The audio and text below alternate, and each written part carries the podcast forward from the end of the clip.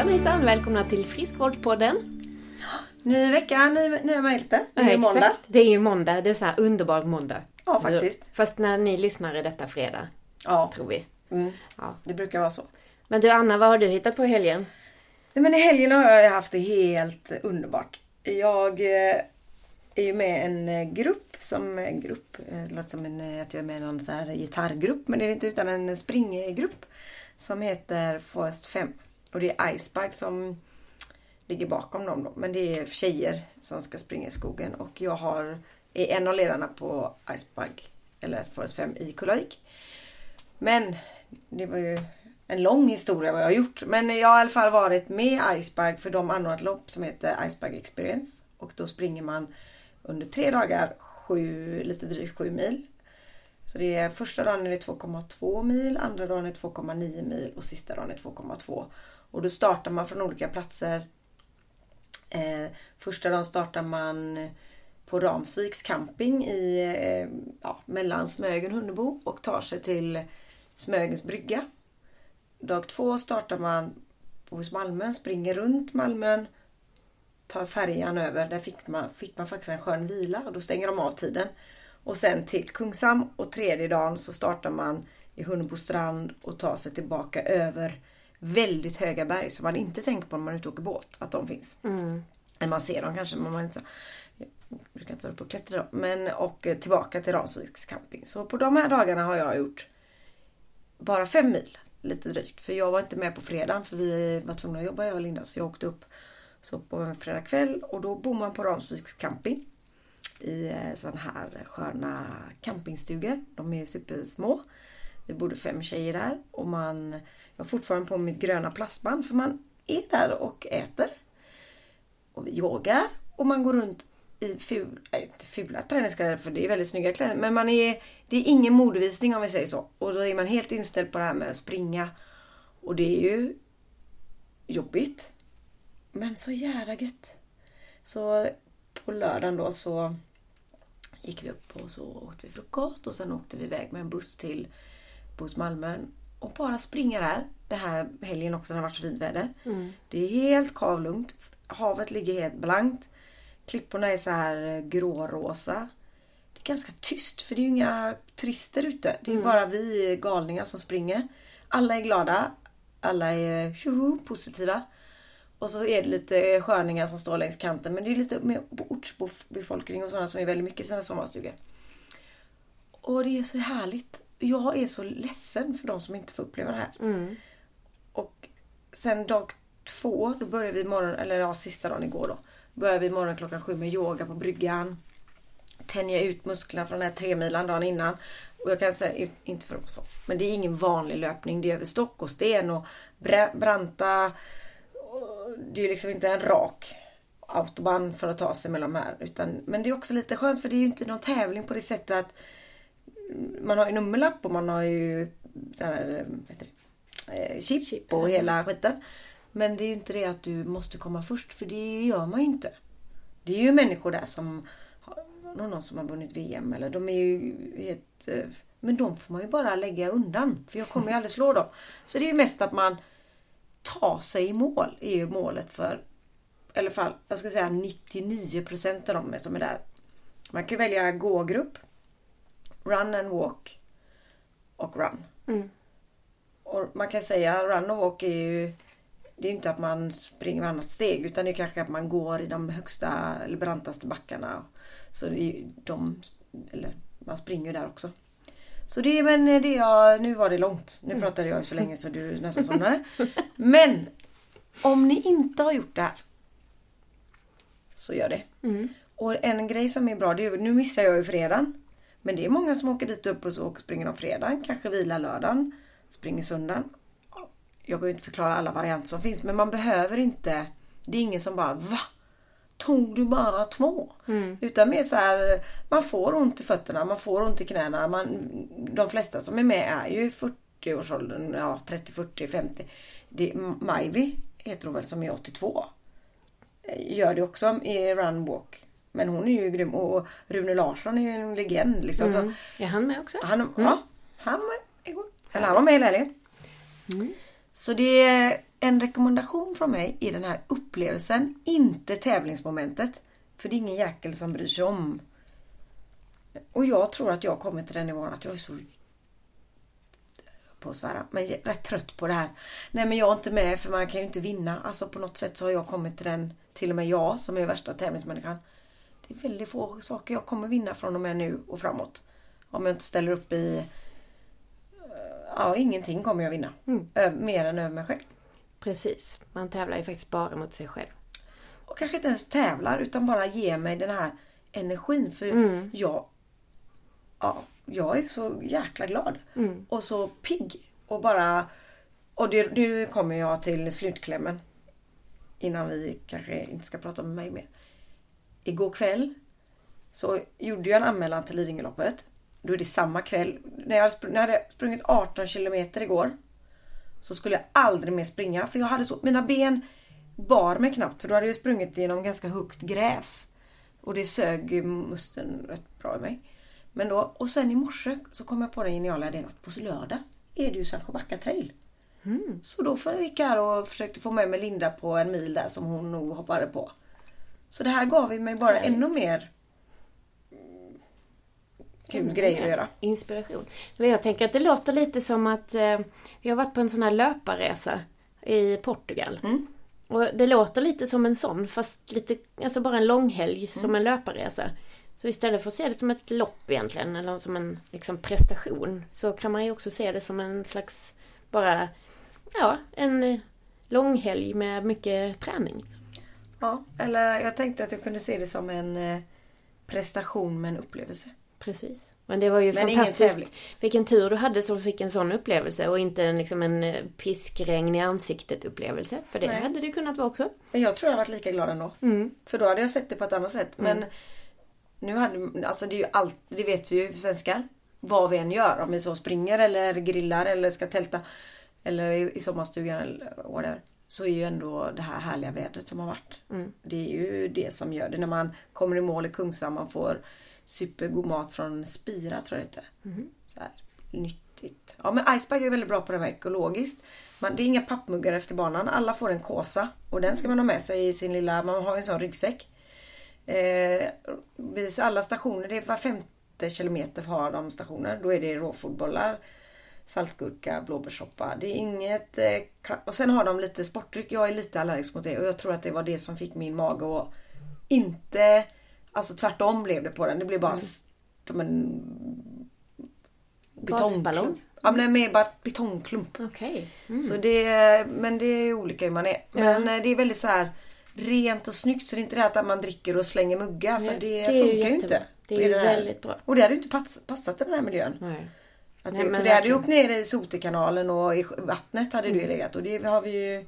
Det är ju en annan sak vi kan prata om. Men att plast och skräp i naturen är ju inte bra. Nej, verkligen. Men fantastiskt. Mm. Vad härligt. Så nästa år igen kör vi. Yes. Och då kanske du vill vara med i walk. Kanske det. Mm. Ja men det låter ju fantastiskt härligt faktiskt. Det, det är ju miljöer som jag brukar vara i, i med segelbåten som färdmedel. Och det brukar ju vara tusentals människor där. Mm. Så att jag kan tänka mig att det är verkligen helt annorlunda när det är så folktomt liksom. Det är ju faktiskt så att Jonas kom på det för han seglar mycket som är raceansvarig. Han som var, ja, Jonas Fenggård som har varit i våran podd. Att han var ute och seglade med familjen och gillade att springa. Så det började att han, ja medan de sov eller vad de gjorde. Så var han ute och sprang och då kom han bara, "Vad f- det här måste ju folk få se. För man ser den här eh, vykortsvyn som vi har över eh, alla de här härliga idylliska orterna. Det är ju en sak som jag älskar. Men när man tog klivet bakom den här eh, eh, lilla idyllen och det finns såna här pärlor som inte ni andra ser om ni inte är ute och rör på er. Jättefina löprundor runt Bohus Malmön. Ja, Där har vi ja. legat Och där längst på utsidan Bohus Malmö. Mm, precis. Och sen även när man går av färjan på Bohus Malmö så går man upp höger, jag vet inte faktiskt vad det heter. Där låg sådana hus som man bara... Och det är inte de flottaste jag tittar på. Jag ser ju, jag ser ju där. Och här skulle man kunna ha vänner som tränar. Och Här kunde man ha kräftskivor. Alltså det är ju allt möjligt jag ser när jag springer. Så mycket av min tid jag lägger på löpningen där är ju att man fantiserar om annat. Men så hade jag med mig Lena, måste jag ge henne en liten eh, cred. Mhm. Lena Sjöstrand som är min ja, granne kan man säga och är med i springgruppen i Kullavik. Så jag frågade henne bara någon vecka innan, kan inte du följa med? För Linda har ont i höften så hon kunde inte följa med. Jaha, så hon åkte med upp på fredag kväll och har aldrig sprungit tre mil. Så hennes första tre milar gör hon över de här stenblocken och grejer. Och hon gjorde en prestation som var Mm. faktiskt större än min eftersom jag ändå har sprungit lite. Mm. Fast jag, jag kan tycka, jag springer inte så mycket nu längre men innan jag slutade springa så hade jag, jag gjorde ett sånt trail-lopp en gång. Och det är ju liksom något helt annorlunda än att springa Göteborgsvarvet. För Göteborgsvarvet då bara du nöter samma rörelse liksom steg efter steg, det ser likadant ut. I ett, när du springer i skogen och i terräng så får du ju liksom använda kroppen på ett helt annat sätt. Så att du blir liksom inte trött på det sättet. Utan du, blir- det är ju fysiskt krävande men du blir inte uttråkad i kroppen. Nej, så blir liksom. man inte. Man, blir inte. man får inte blodsmak men Nej. man blir trött. Det är ganska höga steg eftersom Mm. både du och inte så långa. Så man får ta, man ska ner, man, men man använder ju mycket armar och mage. Och, Mm. Men man tycker det är ju väldigt skönt när den här platta grusvägen kom. Då, och då är det många som säger att det var för mycket platt. Var det någon, som- eller grus var det en tjej som sa som jag bodde med. Mm. Och jag bara, det är ju då jag springer ikapp hur många som helst. Och sen tappar jag lite, för jag är nog inte så tekniskt duktig. Eftersom jag är ganska, eller ny och ny men. eh, Ja, de här Kristin och sen bodde med hon är helt magisk på att springa. Så hon är som en liten gummi. Men eh, nog om det. Vi har ju en gäst här idag. Precis. Som vi ska plocka in. Mm. Och eh, det är ju lite... Ja. Ja, vi får ju helt enkelt bara plocka in Carolina och så får vi ta det därifrån. För det är ju inte något ämne som jag vet så mycket om. Nej. Och man önskar ju verkligen i hela livet att man inte hamnar där. Nej, Att det inte är därför man behöver springa. nej. Men vi tänker att Carolina kommer få presentera sig själv när Mm. vi är tillbaka. Så vi gör en liten paus. Yes. Och kanske får ta en kaffe med henne. Mm. För att se hur vi ska lägga upp det här för att klara av det här du och jag. Mm. Så ehm, vi är tillbaka snart. Ja, då eh, har vi Carolina Molse här som eh, vi ska prata lite med. Och det bästa är att eh, Carolina börjar prata själv. Så du kan bara köra igång när du känner. Mm. Eh, jag ska läsa lite ur en bok som jag har skrivit. Jag springer med vinden i mitt hår. Springer med lätta steg allt längre för att hitta tillbaka till hon som var jag. Men hon försvinner längre och längre bort. På gymmet upphör mina tankar. En stark kropp får bära en tung själ. Nu, fem år efter Annas död. Min träning, löpningen och yogan blev till slut en flykt och ett substitut för något. Idag jobbar jag mer med att känna lust och glädje än tvång att träna och att vara nöjd med mig själv även under perioder när jag inte kan träna för att jag inte hinner eller när jag är sjuk. Samtidigt var alla dessa lopp som jag sprang och träningen inför dem en viktig förutsättning för mig att orka hantera Annas sjukdomstid och tiden direkt efter. Yogan påminner mig om att vara snäll mot min kropp och att behandla den varsamt. Jag behöver bara tänka på Annas vissnande lilla flickkropp mot slutet av hennes liv. Detta nedbrutna skal för att bli påmind om att en frisk kropp är en gåva som jag vill investera långsiktigt i. Syftet med all träning måste få vara att stärka min kropp för att den ska orka bära mig i vardagen så länge som jag får förmånen att leva. Mm. Jaha. Kajsa. Usch, det blir ju inte... Jag vet inte vad man ska säga egentligen. Ehm, ja, det, det här avsnittet idag ska ju lite handla om hur man kan hitta sin egen balans i träning och hela livet så att säga. Eh, och eh, du berättade ju förut om hur du nästan flydde in i, löpningen och träningen och kanske eh, ja, använde det som ett sätt att slippa tänka också. Mm. Hur, Ja men precis så var det. Min andra flicka diagnostiserades med cancer 2011. och var sjuk i två år innan hon dog. Och under den perioden så började jag träna mycket. Jag har alltid tränat löpning men jag tränade mer än någonsin. Och jag sprang lopp och jag vet att jag brukade tänka att jag behövde springa sju kilometer för att mina tårar skulle sluta rinna.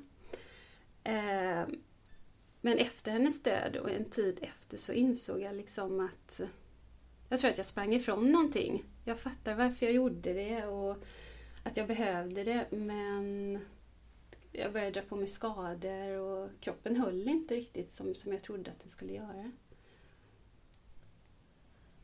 Men ja, alltså man vet inte riktigt vad man ska säga. Till och med jag är lite tyst nu, det är inte så vanligt. Mm. Ja, nej, men det är väl ofta så att kroppen och själen hänger ju ihop väldigt, Mm. på ett väldigt eh, finstämt sätt kan man säga. Och det är väl ofta så att man har liksom, eh, ja, stress oavsett om det är en liksom, press på jobbet eller om det är en sorg eller vad det nu än må vara så är ju stress, eh, det påverkar ju kroppens läkningsförmåga. Mm. Så det är egentligen inte så konstigt att man går sönder i både musklerna och kanske också i skelettet i värsta fall. Eh, Mm. Så att det, det är ju otroligt eh, viktigt att man liksom hittar någon slags bra balans. Man kanske kan röra sig på ett annat sätt. Som du nämnde yogan som en slags annan typ av fysisk aktivitet som gör det lite snällare för kroppen också. Mm. Jo men så, så är det verkligen och eh, ja, jag började yoga i samband med Annas död också. Och successivt från att jag varit väldigt fysisk yoga så känner jag att äh, men det kanske inte behöver vara så himla fysiskt och jobbigt utan jag bara kan, kanske kan stanna upp och bara känna in min egen kropp och vad jag behöver just nu. Och det är jättetufft för jag är en prestationsperson och min identitet är förknippad med att vara en duktig löpare. Liksom. Men det är en ganska ihålig sak att uppmärksammas för sina prestationer. Och sorgen och den sorgbearbetning som jag behöver göra och fortfarande gör den hämtar jag inte i löparspåret. Det är annat som ska till. Mm. Mm. Men det är kanske ganska ofta som man... Alltså löpning är också lite så här endorfin... Man, man blir ju...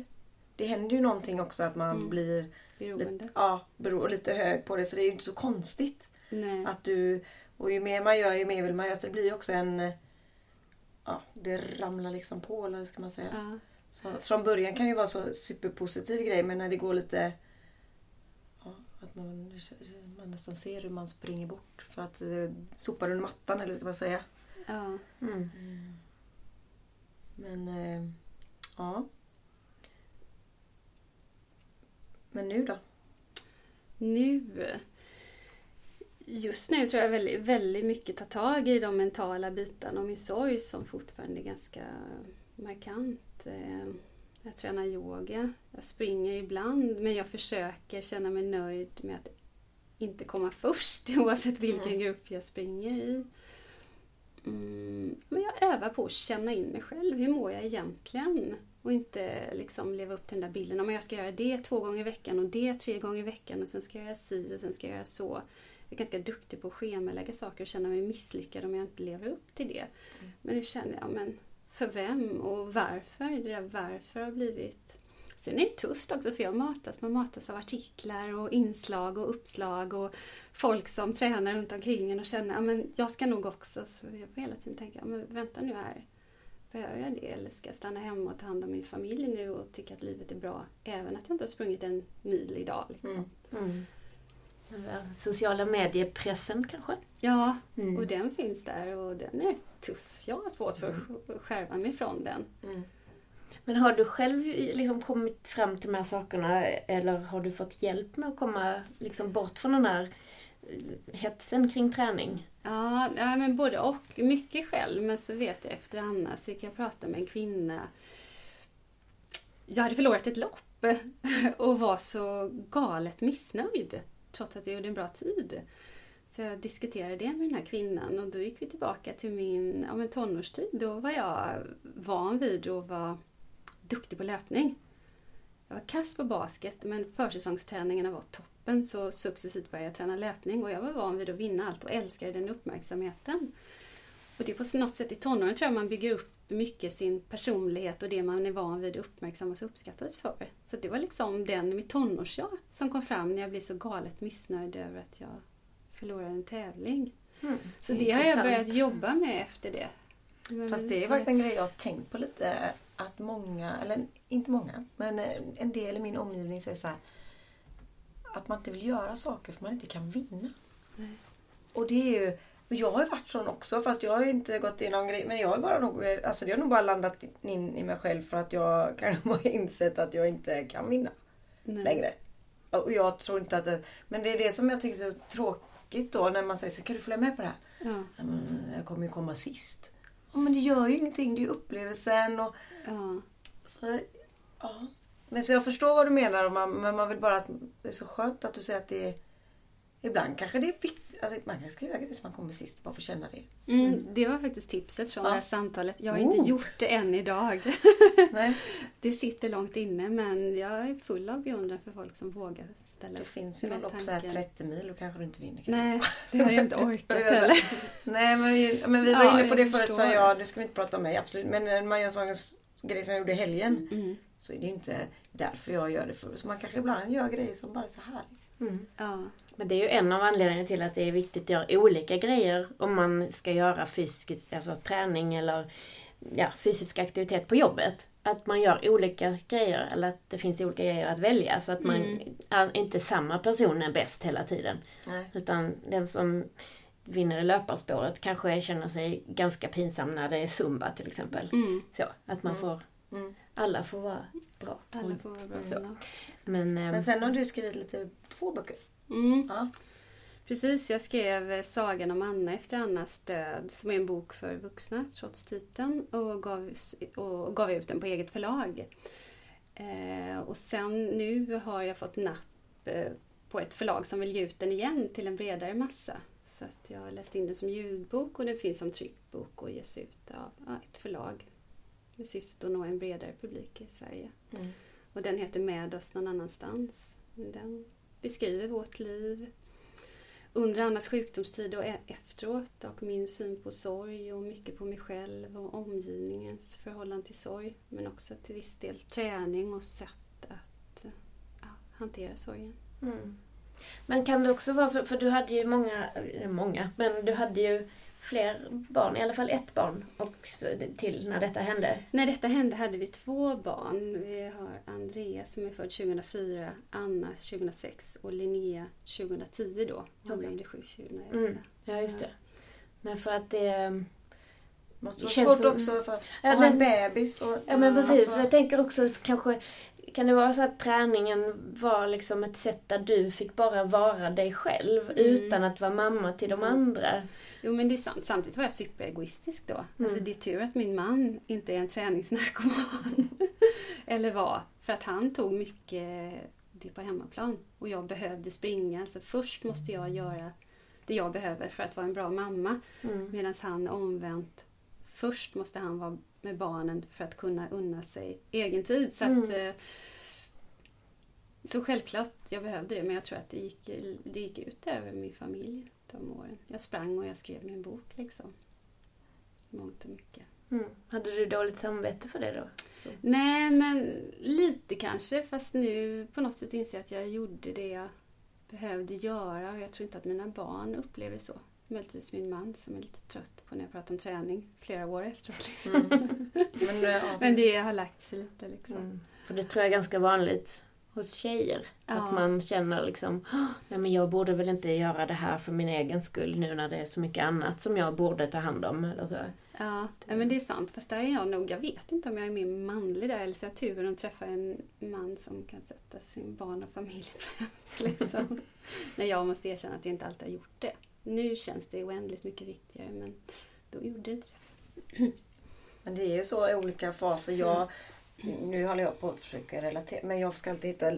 Men jag hade ju restaurang och hade en bebis. Det var inte så att Mm. jag... Mm, Victor fick ju ta nalle. Men man kanske inte ska gå runt och ha dåligt samvete för det. För på något Mm. sätt så är ju cirkeln blir ju sluten och du liksom Man får Livet går ju vidare. Ja, och då kanske det är bättre att man gör en sån grej en kort eh, stund som du gjorde. Egentligen det en Mm. kort stund av ditt liv. För att komma ut och vara Det- än att du inte hade gjort det här och Mm. kanske bara varit eh, ännu mer sorg, eller så man kan inte bli mer sorgsen men att man inte Mm. Hade klappat fatt- ihop. ni fattar lite vad jag är Ja, ute vi efter. fattar. för man kanske ändå har blivit, fått ihop det då så har ni Mm. fått August och så Ja, har ni Precis. en pojke där. Man, 2015. livet, ja, Gå vidare. vidare. Men ibland tror jag det här dåliga samvetet också är förknippat med roller. För som kvinna förväntas man vara på ett visst sätt. Mm. Jag förundras ofta. Det är mycket enklare för män att träna och sätta sin träning främst. Och kvinnor tycker att det är okej att de är ute i timmar och cyklar och springer. Liksom. Ja, men det är samma med kanske killar och tjejer när det är jobb. Det hade Ja, inte varit så konstigt om Viktor gick och jobbade när Nalle var 17 timmar. Men att jag gjorde det var ju så här. ja. Åh, du har nu fått en psykos. Bara, Nej, men jag har inte psykos. Jag har tvång. Jag måste vara... Alltså, så sen kanske inte det var det bästa egentligen för mig. Nej. Jag tror inte Nalle har några men av det här. Utan det är mer... Och det har säkert inte dina barn heller. Utan det Nej, kan vara din egen sån... Mm. Ja, man får laga sig själv lite. Mm. Och det är ju inte konstigt att man får... Det är ju inte konstigt.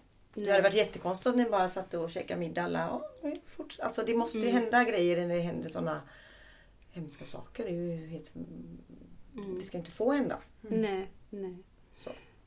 Tänker jag. Mm. Så det är ju inte konstigt om man kanske tar lite fel beslut eller sätter... nej. Och Eller? sidosätter. Hjälp mig nu, vad är jag ute efter? Ja. Ni fattar. Ja, vi Ja. förstår. Ni Ja. förstår. Vi förstår också varför du gjorde det. Mm. Ja. Så, eh, men då är ju... Ja, nu kallar jag din man för Pippi då, fast han heter Peter. Ja. Bara för att jag känner honom. Men han har ju också varit fantastisk. ja, det har han. Mm. Det har Så, eh, han kanske får någon, någon annan gång kanske det är hans Ja, tur. han får segla hur mycket han vill. Ja. Om några år, för nu har vi ett litet barn. Ja, Mm. precis. Ja, Vi pratade faktiskt just om det innan du kom här. Att Ja. hur, hur vanligt det är att man liksom inte vi då, för vi är så himla trevliga mot våra Mm. partners. Vi släpper iväg dem på vad som helst. Mm. Men att eh, i många förhållanden är det ju lite så att man inte låter den andra göra saker på Nej. egen hand. Och det Nej. blir, det, jag vet inte, i min värld är det lite konstigt. Ja. Att man inte ja, för man släpper ju ut fågeln två- ur buren liksom. Man är ju två individer och i bästa fall har man mycket gemensamt men man kan inte ingå i symbios. Det tror jag inte, tror jag inte är bra för någon. Jag var på, eh, ja, vart och sprungit. Men jag vet inte om du vet vem Marcus Torgeby är? Ja, jag läste hans bok. Ja. Vem har inte? Ja, men han var i alla fall där och hade en liten föreläsning. Nu ska inte jag ta det för det, han gjorde det på engelska och man kan, han kan inte engelska. Men eh, hans eh, eh, ja, liksom, eh, grej var att man måste ha en egen dörr där man går in ibland. Nu kanske han tog det lite väl långt genom att bo i skogen i fyra år. Men han behövde ju det. Mm. Men då var han också inne på det att alla människor behöver sin lilla egen zon. Mm. Och då eh, för mig är det träning, för Viktor och min sambo är det racing. Jag har ingen aning men jag, nu ska han iväg. Och jag kan alltså tycka så här. Är det inte lördag klockan 12 snart att han åker? För jag kan tycka att det är lite skönt när han åker också. Då får du din lilla Och jag tror inte att han eh, hade alls ont av att jag var borta denna helgen. att Han var väldigt stolt över att han hade städat diskbänken. Han visade alla grejer han hade gjort. Man bara, nej men, ja, men eh, man måste låta sin partner ha sin grej. För annars så tar man ju bort liksom det man tyckte om från början kanske. Mm. Och sen är det väl också lite att man, även om ni har liksom ett gemensamt trauma, ni förlorar ert barn och det gör ni här och nu samtidigt. Men det är ju ändå individernas egen grej också, även om det är gemensamt sorgarbete och bearbetning och allt detta. Men det är ju också en, det är ju hur du upplever det och hur han upplever det. Det är ju inte något som, det är ju inte likadant liksom. Nej. Så det väl också... Och det kan väl också vara manligt och kvinnligt kan jag tänka. Att man som mamma och pappa. Alltså nu säger jag Mm. inte, men det, nu sa jag något dumt som man kanske inte ska säga. Men det kan vara lite så. Ja. hur man gör olika saker. Men eh, jag, det var vi väl inne på lite, men jag tror att folk flyr jättemycket när man får en fix idé som träning. Så träning är ju jättebra, det pratar vi om. Vi vill ju att alla rör på sig. Och, men jag kan också tycka att det är, jag blir lite sådana som tar det ett steg för långt så kan jag undra vad är det som skaver. Mm. Och jag, idag har vi varit hos en eh, som forskar på träning nere i Halmstad högskola. Och bara det här att ställa sig och sätta sig upp två gånger i timmen kan göra så mycket med din hjärna. Om man nu på väldigt låg nivå så kan man också säga att du behöver inte... Alltså det är den här rörelsen som gör att du kan få, Mm. om man pratar om det då. Mm. Nu lämnade jag lite ämnet men... eh, Mm. Nej men det är för där är jag själv också nu. Alltså skippa den här prestationspersonen och kanske tycka att ja, men det är okej om jag går en promenad Mm. några gånger i veckan. Jag behöver liksom inte springa en mil, gärna två gånger i veckan. Även att jag skulle vilja att det så orkar min kropp inte riktigt det nu. Mm. Och det är skitsvårt att komma fram till men jag får... Så det är skönt att höra att Mm. det finns, finns vetenskap bakom liksom. Men jag var också sån, och det var inte så länge sedan när jag sa till folk så här, men alltså det är ju ingen idé att byta om om man inte får upp en mil. Nej, Och det jag kom på, men fem kilometer är också gött. ja. Men då, då gjorde jag inte det alls och det var ju inte så bra. Så det är bättre att man... Och Viktor kan ju inte springa så jag brukar tänka så här, men idag nu när jag har gjort det här grejen så får jag ut med honom på en promenad och det är viktigt att jag rör på mig liksom. Mm. Och det är ganska skönt att inte tävla hela tiden. Det är jätteskönt. Den där nummerlappen är ju ändå pff, lite ångest när man knäpper Ja. på den. Så händer någonting inne i kroppen som... Ja. Och klockan där. Ja, och du kanske tänker att vi andra tänker att du ska vinna. Ja, Ja. men det är klart, alla går runt och säger så, men det är klart du vinner. ja. Och det kan ju också bli så här, nej, jag ska bara ja. göra. Mm. Nej, men att, eh, att man liksom blir helt passiv av en sorg eller Mm. eh, under en tung period. Att man liksom bara inte orkar ta sig upp ur soffan. Och det kan ju vara i samband med en sorg eller kanske att man går in i väggen och, och liksom blir Mm. utmattningssyndrom och så. Men har du några tips till sådana? Som ligger på helt andra sidan liksom. Ja, det är ju så jäkla svårt för jag är ju en personlighet där jag måste göra saker. Men vad är tipset? Ja, men att vara, under en tid ska man vara snäll, snäll, snäll mot sig själv. Sen så ska man nog ha någon bra peppande kompis som försöker på alla sätt och vis. Och att man gör det i liten skala. Alltså naturen, det här låter helt absurt men gå ut och krama ett träd.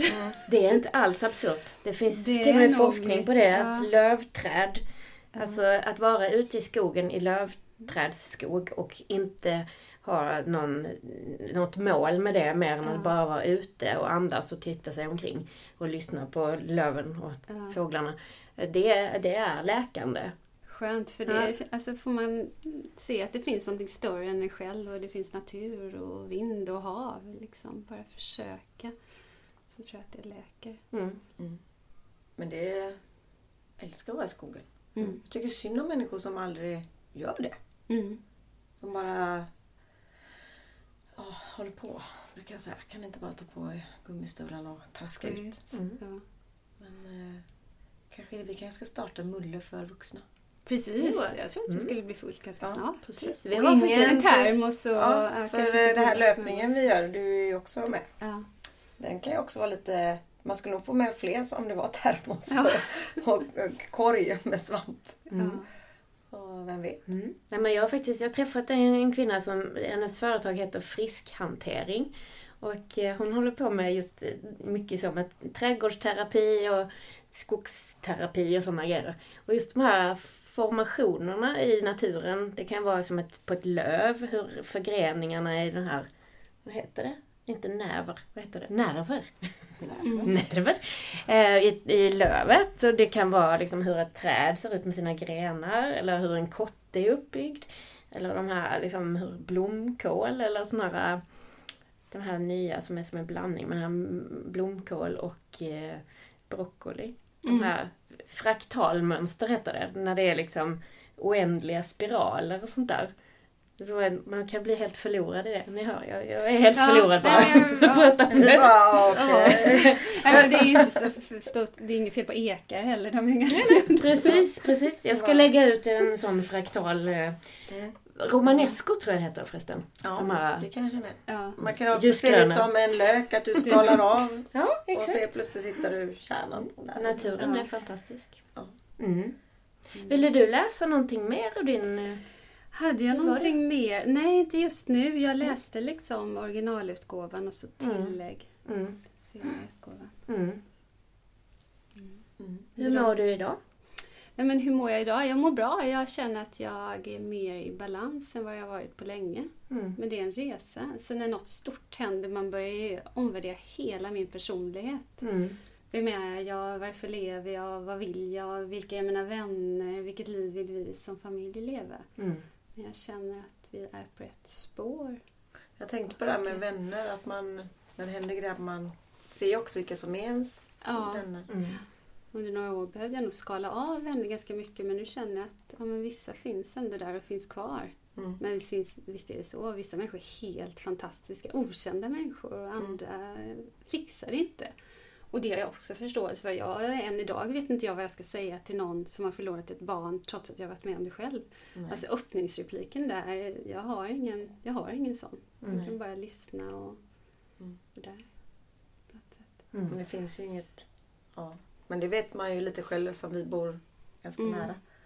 Att man... eh, Ja, vad säger man? man? En kram kanske? Mm. Eller bara att man säger någonting. Det värre Ja. är väl att man Undviker. undviker. Mm. Men, eh, ja. Ja, men det kan nog också bli Jättesvårt. lite så att man vet inte vad man ska säga. För tänk om hon börjar gråta, vad ska jag göra då? Mm. Alltså hur ska jag hantera om hon bryter ihop? Men är det mest man bara säger hej hej och så går man vidare. Mm. Alltså Mm. Ja, det kan vara väldigt mycket rädslor hos en själv som gör att man inte vågar Mm. liksom skrapa lite på såret så. Mm. Men jag håller lite föredrag om sorgbearbetning och det har jag lärt mig nu. Jag har hört jättesorgliga historier att det, det räcker så jäkla långt med att bara stå och titta på en annan person. Mm. Bara lyssna och nicka. Mm. Och försöka undvika att ens eget huvud går i spinn utan man bara är där, Mm. där och, och då. Liksom. Mm. Så märker man om den personen vill fortsätta prata eller inte. Mm. Tystnad och närvaro. Mm.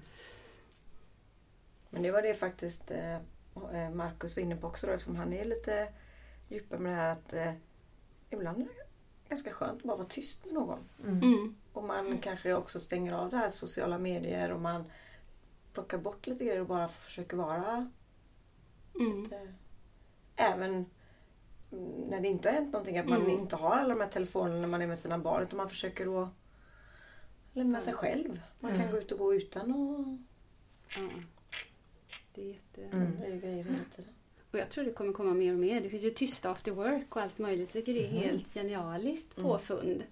Man får komma och vara tyst liksom. Gud vad skönt. Ibland. Mm. När man känner att det bara surrar i huvudet av alla måsten och allt man ska. Och Mm. Mm. statusuppdateringar på sociala medier. Det var någon jag hörde som eh, föreläste om, eh, om eh, ja, hur man använder sin smartphone. På det mest effektiva sättet att använda sin smartphone på, det är att stänga av den. Mm. För då blir man väldigt effektiv. Mm. Det är lite det som är grejen med att jag gillar att göra de här inspelningarna också tror jag. För här är man bara så himla närvarande. Mm. Och inte en massa popcorn i huvudet liksom. Jag har faktiskt tagit bort mejlen från min telefon. För att Mm. jag går hem Ah, härifrån. ett steg till. Ja, jag försöker. Ja, men jag tyckte det var jobbigt att få alla mejl. För jag, och då ska jag faktiskt säga så att det var så här, jag kom på eftersom haft, när man har restaurang så, så är man i det, i det. Så man svarar så här fort så jag är så, jag är så snabb. Och så kom jag på så här, men ingen är ju lika snabb tillbaka. Alltså ingen. Men jag väntar oftast på ett mejl. Så Mm. då bara, ja men om någon skickar mejl till mig idag, nu när jag står här, jag går hem. Så kanske inte den ens förväntar sig att jag ska svara förrän imorgon vid nio, åtta, nio när jag är här igen. Nej. För det kanske bara är jobbigt för han att jag svarar 11.15 när jag sitter jag precis går och lägger mig. Mm. Så då, kom jag på, då gör jag andra en tjänst att jag... Och är det panik ringer de ju. Mm. Då skickar man ju inte ett mail utan då ringer man ju upp om det är något viktigt. Mm. Så jag tog bort det. För då måste man ju ta bort den helt. För öppnar man och väljer att inte svara så har man ju startat en Ja. mental grej liksom. Mm. Men den är inte i. Nej. Eh, Christian Nilsson då, min IT-kompis, han Mm. har sett till att den... Ja, Jag sa till honom att inte ens lägga i den. Mm. Bra. Smart va? Det kan, Mm kan det vara så tror du att man eh, eh, måste gå igenom något sådär riktigt svårt för att hitta sådana här små saker som tar ens uppmärksamhet? Mm. Ja, det är ju en jättesvår fråga. Jag tror att det kanske också är lite hur man är som person. Men det är klart att jag upptäckt att folk som har gått igenom något tufft har ofta tänkt igenom saker på ett helt annat sätt. För att man tvingas göra det. Mm. Och det är där ibland att man omvärderar hur man lever sådär. Jag vet inte om jag se- ska, skulle vilja säga att man måste men man märker skillnad. Och alla har ju ett bagage mer eller mindre liksom med händelser. Jag vet inte. Men, det, ja. Men jag tror lite det. Eller Mm. jag säger lite så, men jag har ju också gjort lite, inte så som Mm. du, men när man går igenom en lite tuff skilsmässa så, här, så kan man bli lite så här att man... Men jag har nog ändrat mig lite, både mot mig själv men jag också, ibland kan jag också vara lite cynisk. Eller så här, att man står och tittar på par som kämpar med den här fasaden. Man bara liksom, Mm. herregud. Spelar roll. Mm. Det var någon kompis till mig som sa när hon har bestämt vissa kläder som hennes dotter ska ha. Man bestämmer det dagen innan så är det så det är. Man bara, Mm. ja. Eller så kan hon få ta t-shirt. Alltså man kanske tar Mm. ner nivån på sig själv lite. Jo men det är sant. Jag tror det. Att det inte är så noga om det är liksom. Nej, och man fixar inte fasader. Det känns så jäkla... Det känns lite sorgligt. Här Mm. står vi och ska visa upp en bild av oss själva som vi tror går hem. Mm. Why liksom? Mm. Eller se ut på ett visst sätt, eller ha vissa kläder, vissa bilar, vissa hus. Alltså gör det för din egen skull så det blir äkta. Mm. Ett annat känns nästan ointressant. Mm. Mm. Ja. Men lite av de människorna kanske man slutar umgås med. ja, För Mm. att det blir inte bra. nej. Och så hittar man nya som kanske är... Fylls på. Ja, det fylls ju på men... Man vill ha det äkta kanske. Mm. Mm. Jag vet inte om det är för att vi håller på att bli lite äldre eller om det bara är... Ja, det vill vi inte tänka på. Men... Det kan ju vara det också. Ja, Ja. det kan det ju vara. Jag vet inte. Nej, det vet jag Nej. inte heller. Eller så är man på... Jag vet inte. Man vet inte. Det blir som det blir brukar jag säga. Mm. Ja, men det är väldigt skönt att ta ett steg bort från sociala medier, tycker jag. Ja. Det är väldigt skönt. Så undrar man varför man håller på egentligen. Mm. Fast det är mitt jobb. Ja. Det brukar Ja. jag säga i alla fall. Fast jag Ja. tycker det är roligt också. Men det är liksom ibland Jag tänker bara- lite på Olle då som är ja, 15, snart 16. De, han är aldrig själv. Eller han är ju själv. Ja. Fast den här Snap-grejen är igång hela tiden. Mm. När vi var i den åldern då cyklade man hem. Och så Ja. var man hemma och du vet man, fick ju, man ringde ju knappt. Det var jobbigt att slå Eller det gjorde man väl men då var det något man ville. Mm. Men de är hela tiden i det. Så man ser så här, vilka som umgås, varför nu är de, nu är de. Man kan se vad ens kompisar är. Det måste vara superstressande. Mm. Att aldrig bara få... Ja, men jag undrar det. Jag undrar om de på riktigt har ett sunt förhållande till sina mobiltelefoner. Eller om det finns, som du säger, liksom en stressfaktor. Andrea häromdagen så att hon åt med telefonen framför sig. Och jag bara, men du får fokusera på maten och jag tuggade ordentligt. Och hon bara, "Nej, men mamma jag känner mig så ensam om jag bara sitter här och äter. Mm. Jag bara kände shit alltså. Mm. Samtidigt som jag kan förstå det så känner jag att det inte är helt eh, sunda impulser. Nej. Nej. Och sen märker jag min 14-åring, han... Alltså, om jag får en, en signal, liksom, att det ploppar till, då är man ju där direkt. Oh, vad var det liksom? Ja, Men de kan ju säga det ploppar och ploppar hela tiden. De bryr sig inte. nej. Så jag tror att det, har man vuxit upp med det så är man inte lika Man känslig för det, tror är jag. det. Nej, man vet ju inte. Alltså, det är klart Men de det påverkar inte. oss men det är inte säkert att det bara är... Men vi ringer ju jag alla. Mm. Eller ringde. Eller ja, det gör vi fortfarande. Men jag hör ju aldrig Olle prata i sin telefon. För det är ju den här snabbt. Eller om jag har skickat sms så svarar han inte. Du måste ju svara. Men då hamnar jag ju så, det kommer ju så många så här snabbt så jag ligger ju här nästa gång han ligger. Så då ser ju inte han den. Nej. Så då är vi också snap-kompisar nu. också, Mm. Perfekt. Det gäller Det är lite rätt kanal för Ja. Men jag försökte med Snapchat med Andrea där men jag kom inte på att skoja saker och spela in liksom. Nej. Men du Ja, nu skriva. sitter jag på bussen liksom, och så Du får lite Du- selfies. ja. Äh, putman. ja, det är sant. Man kan, ja, putmun, den är intressant. Ja, Det är helt konstigt. den är lite konstig. Mm. Plastik. Men du, ehm, det var superkul att du ville komma. Och lite jobbigt, tycker jag. Mm. Så jag känner också. Men jag tycker du är grym. Tack. Och eh, jag tycker faktiskt att ni ska lyssna, antingen, eller köpa boken såklart. Eller lyssna om man inte vill läsa. Men eh, man lär sig något så Mm. länge man lever. Mm. Och man ska heller, en annan grej tänk på, man ska aldrig vara safe. För det kan hända grejer. Så man ska ändå Mm. vara snäll mot sig själv och lyssna och ta in. För det, en dag står man där när man minst anar det kanske. Mm. Och då gäller det att man har varit schysst. Mm. Mm. Mm. Kloka ord. Kloka ord. Som avslutning på... Eller men du är bättre på att avsluta än vad jag är. Jag slutar ju aldrig. Det är så när jag går på fest. Jag vill ju aldrig gå hem. Så du får avsluta. Nej men tusen tack för att du kom hit. För att det är, det är otroligt viktiga saker och inte minst det här med att eh, liksom hitta sin egen balans och Mm. inte gå efter vad alla andra säger eller tycker eller ja, visar upp eller så. Utan man, att känna in själv och att vara sann mot sig själv tror jag är otroligt viktigt. Inte minst i sådana situationer. Men kanske lite faktiskt dagligen också. Mm, Att man inte behöver vänta tills det händer något riktigt förfärligt hemskt. Utan att man kan faktiskt vara lite här och nu varje dag istället. Mm. Vill du säga något?